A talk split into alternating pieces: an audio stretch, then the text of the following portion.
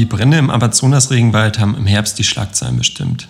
Was haben sie mit dem EU-Handelsabkommen mit Südamerika zu tun und warum geht es dabei auch um deutsche Autoexporte? Darüber spreche ich heute mit Bettina Müller.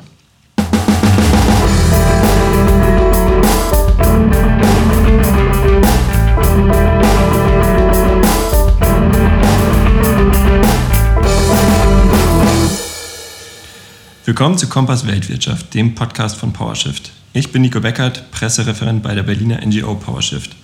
Wir arbeiten für eine ökologisch und sozial gerechte Weltwirtschaft. Ich sitze hier mit Bettina Müller, unserer Handelsexpertin, und ähm, ja, wir reden heute über Mercosur.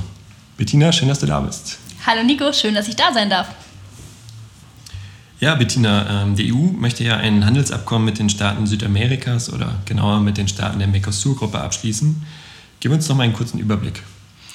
Ja, und zwar nach 20 Jahren Verhandlungen mit den Mercosur-Ländern, also Paraguay, äh, Uruguay, Argentinien und Brasilien, wurde Ende Juni eine politische Einigung verkündet. Ein historischer Moment, wie Jean-Claude Juncker ihn genannt hat, der Kommissions, äh, ehemalige Kommissionspräsident.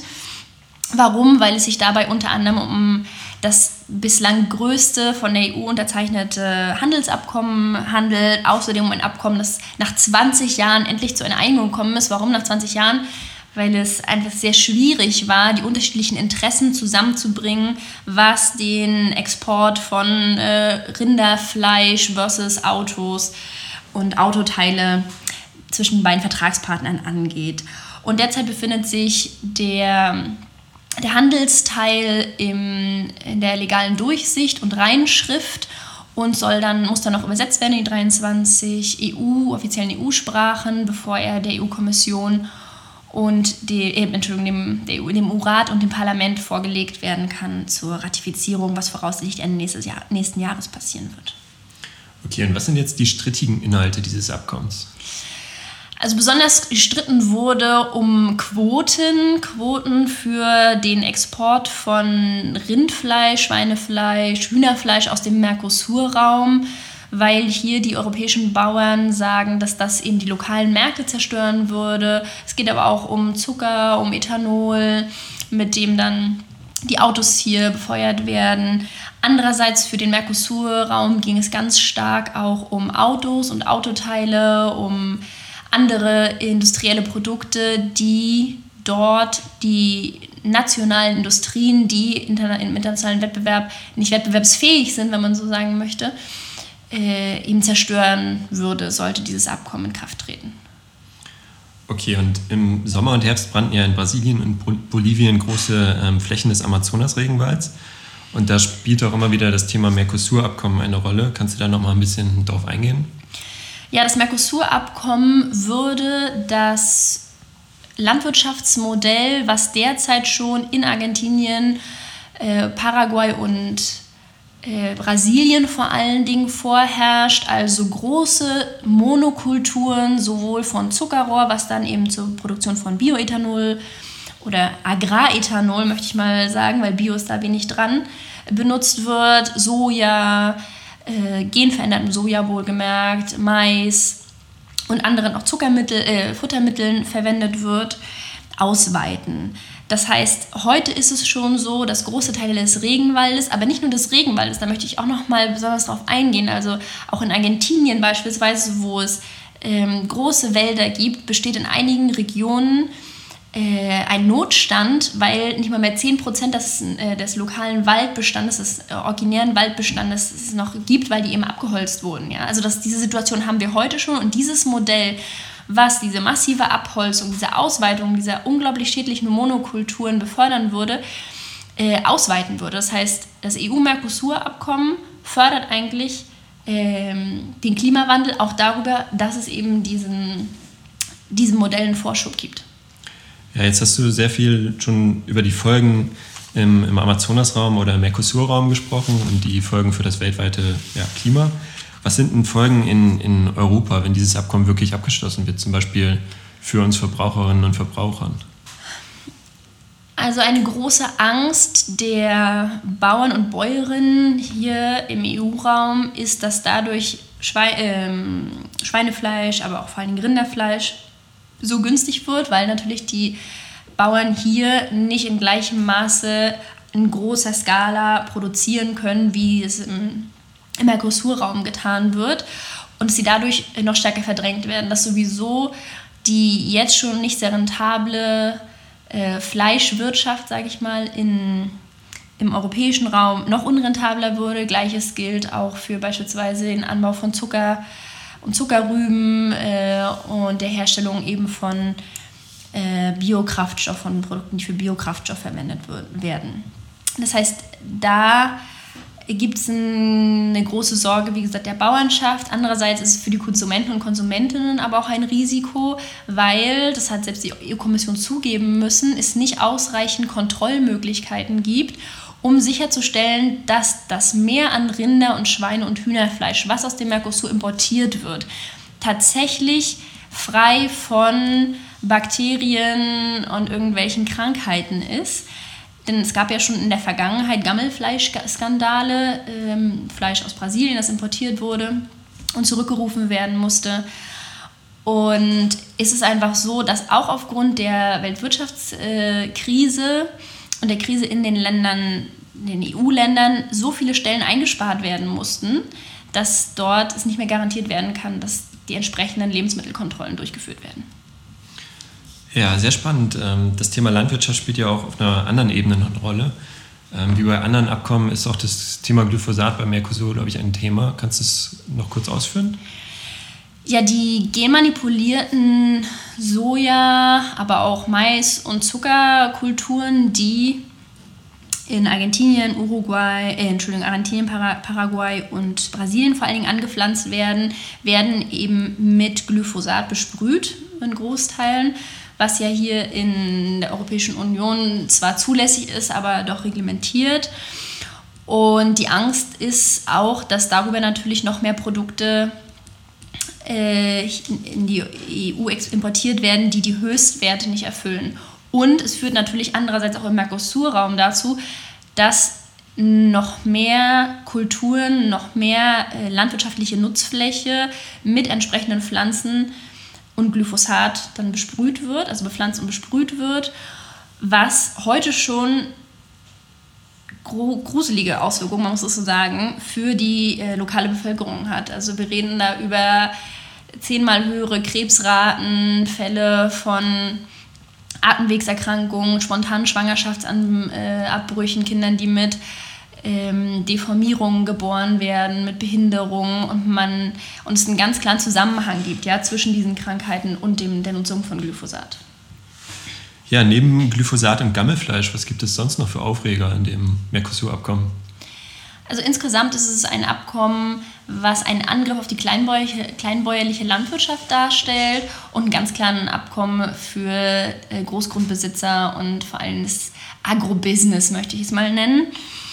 Äh, insgesamt ist außerdem noch, wenn wir jetzt mal ein bisschen von dem landwirtschaftlichen Fokus wegkommen, ein Thema eben der Arbeitsplatzverlust, der zu erwarten ist in, in, in, in der Industrie in den Mercosur-Ländern eben aufgrund der verstärkten Importe aus dem EU-Raum, mit denen die Industrieprodukte dort nicht konkurrieren können. Es gibt Berechnungen äh, einer Universität in Argentinien, dass allein in Argentinien ähm, mindestens äh, 186.000 Arbeitsplätze verloren gehen könnten, nur durch dieses Abkommen und auch nur in Argentinien. In der Industrie wohlgemerkt. Ansonsten ist es natürlich auch so, dass es das bereits bestehende Handelsdefizit zwischen den beiden äh, Wirtschaftsräumen vergrößern würde und auch die Rolle der Mercosur-Länder auf eben diese Position als Rohstofflieferanten weiter zementieren würde. Also es würde ähm, die Abhängigkeit der Mercosur-Länder von den industrialisierten EU-Ländern noch weiter verstärken, die heute schon besteht. Und dann gibt es noch einen Punkt, der von uns durchaus aber auch kritisch gesehen wird, ist das Thema des Nachhaltigkeitskapitels, wo es ja unter anderem durch Durchsetzung des Pariser Klimaabkommens gibt. Damit wird immer geworben von Seiten der EU-Kommission. Die sagt, naja, aber mit diesem Abkommen hätten wir dann ein äh, scharfes Schwert in der Hand und könnten ähm, die brasilianische Regierung beispielsweise dazu auffordern, aktiv etwas gegen die Brände im Regenwald zu tun. Das Nachhaltigkeitskapitel, wo diese Disposition zum Pariser Klimaabkommen der effektiven Umsetzung dieses Abkommens tatsächlich drinsteht, ist aber nicht sanktionsbewährt. Das heißt, da können nur Empfehlungen ausgesprochen werden. Ob diese Empfehlungen dann umgesetzt werden, ist im jeweiligen Ermessen des, ähm, des Landes äh, dann zu sehen und zu suchen. Und insgesamt, selbst wenn dieses Nachhaltigkeitskapitel sanktionsbewährt wäre, würde es ja nicht die anderen negativen Aspekte aufwiegen, die dieses Abkommen ansonsten mit sich bringt. Okay, vielen Dank für diesen äh, Input. Ähm, jetzt heißt es ja von, von Freihandelsapologeten immer, ähm, wenn wir das Soja aus Südamerika nicht kaufen, macht es ein anderes Land. Wenn wir dort keine Autos hin exportieren, dann geht China auf den Markt und exportiert seine Autos. Ähm, was ist dein Argument gegen, gegen diese Aussage? Äh, China ist auch heute schon ein wichtiger Käufer äh, argentinischen und brasilianischen, äh, argentinischer und brasilianischer Soja beispielsweise, was dort auch für Futtermittel unter anderem verwendet wird. Und das wird es auch weiter bleiben. Daran wird das EU-Mercosur-Abkommen nichts ändern. Das ist heute schon so. Und äh, der Markt wird ja nicht allein von China bestimmt, auch heute hat die Europäische Union äh, betreibt die Europäische Union bereits intensiven Handel mit dem Mercosur-Raum. Also Brasilien ist einer der wichtigsten Handelspartner und das Land, wo die ähm, das viertgrößte, der viertgrößte Empfänger von Auslandsinvestitionen, europäischen Auslandsinvestitionen, ja, ist heutzutage schon Brasilien. Äh, auch Argentinien äh, der zweitwichtigste Handelspartner Argentiniens ist heute schon der EU-Raum.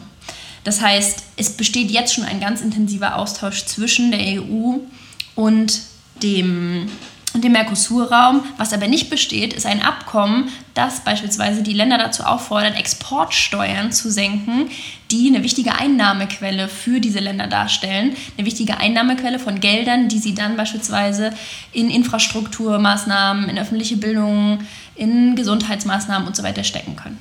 Und diese Exportsteuern verbietet Mercosur dann? Das Abkommen würde die verbieten. Okay.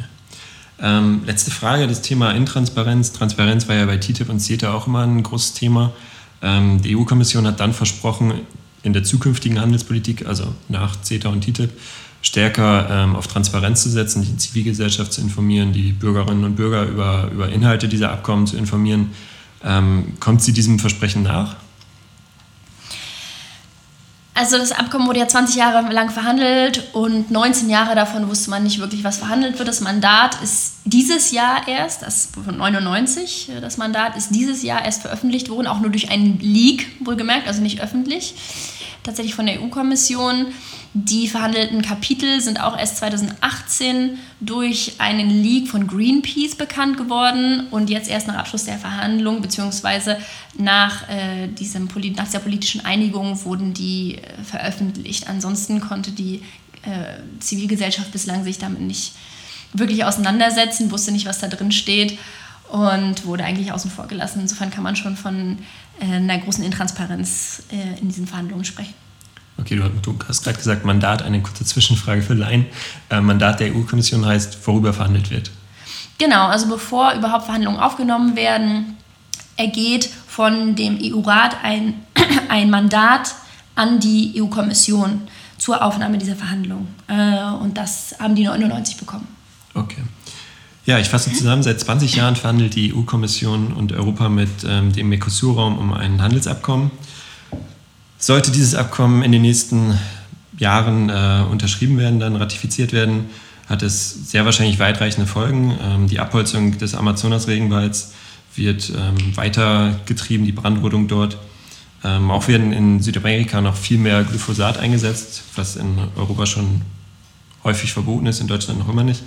Ähm, und die EU-Kommission ist ihrer, ihrem Versprechen nach mehr Transparenz ja, nur unzureichend nachgekommen. Und die Zivilgesellschaft habt ihr immer noch häufig im Dunkeln. Vielen Dank, Bettina.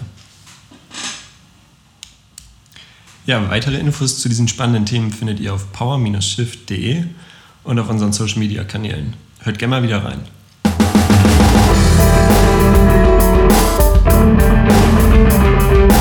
Musik